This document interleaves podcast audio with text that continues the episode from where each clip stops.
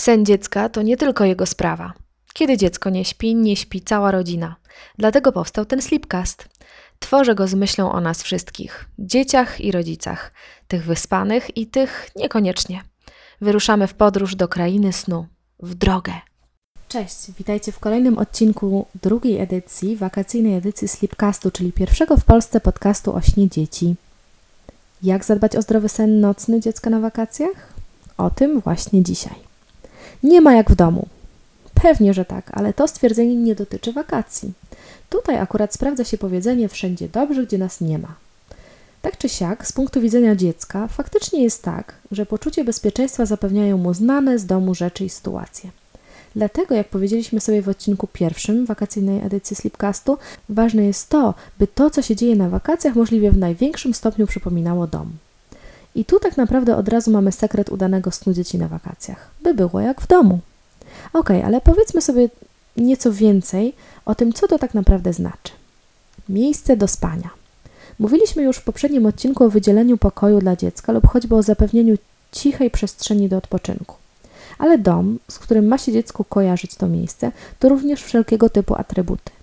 Nie dziwi więc innych rodziców taki widok urlopujących rodzin wypakowanych po sufit tobołami ulubione misie, autka ochoczo zabierane całymi tabunami do łóżka, nieśmiertelny i niezniszczalny kocyk, no to są prawdziwe atrybuty małego podróżnika.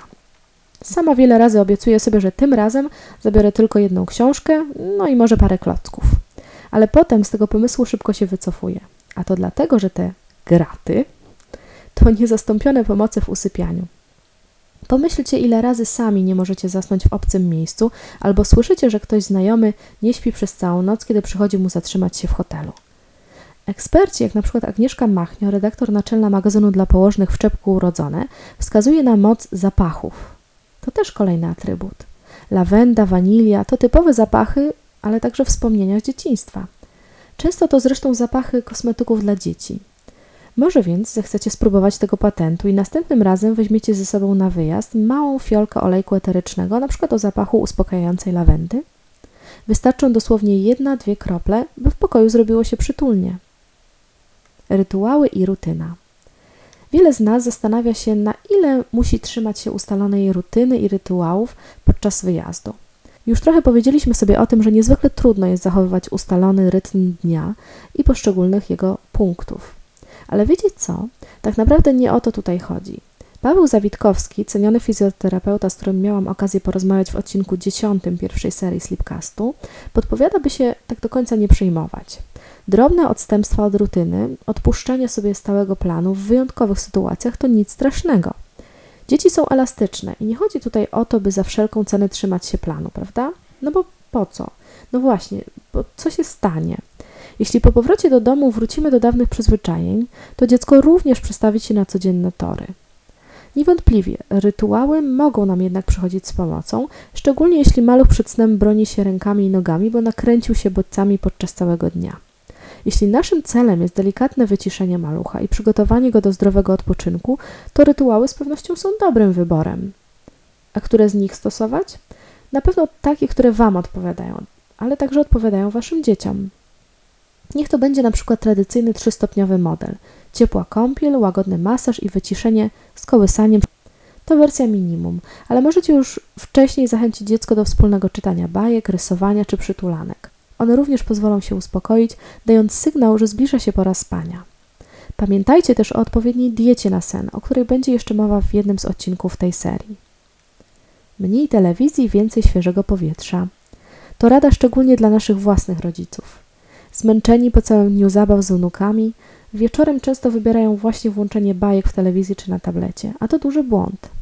Badania pokazują, że kontakt dziecka przed snem z ekranem emitującym niebieskie światło, takim jak w telewizji, czy w tablecie, czy w smartfonie, zaburza rytm snu i utrudnia zasypianie. A czy wiedzieliście, że negatywnie na sen malucha wpływa nawet najmniejsze źródło światła w pokoju? Na przykład emitowane przez monitor komputera, zegarek elektroniczny czy diodę kontrolną telewizora? Dlatego strudzonym dziadkom poradźmy spokojny, nawet krótki spacer z dzieckiem e, albo w wersji minimalistycznej zachęcenie dziecka do zabaw w ogrodzie czy na balkonie. Świeże powietrze to zdecydowanie lepszy wybór niż ogłupiające bajki. Na koniec mam dla Was 8 złotych zasad pozwalających zadbać o zdrowy sen dzieci na wakacjach. Po pierwsze, bądź cierpliwy i zaakceptuj, że okoliczności się zmieniają. Po drugie, zadbaj o drzemki lub odpoczynek w ciągu dnia. Po trzecie, docieraj na miejsce przed porą snu. Po czwarte, odtwórz wieczorne rytuały. Po piąte, odtwórz domowe warunki. Po szóste, rezerwuj więcej niż jeden pokój lub podziel swój pokój na dwa. Po siódme, łam niektóre zasady. A po ósme, wróć do rutyny po powrocie do domu. Pamiętajmy, nie wszystkie dzieci będą miały problem ze snem podczas wakacji. Dbajmy o siebie nawzajem, bądźmy uważni i odpowiadajmy na swoje wzajemne potrzeby, a wakacje na pewno będą udane. A po powrocie do domu postarajmy się małymi krokami wracać do normalności. Udanych wakacji!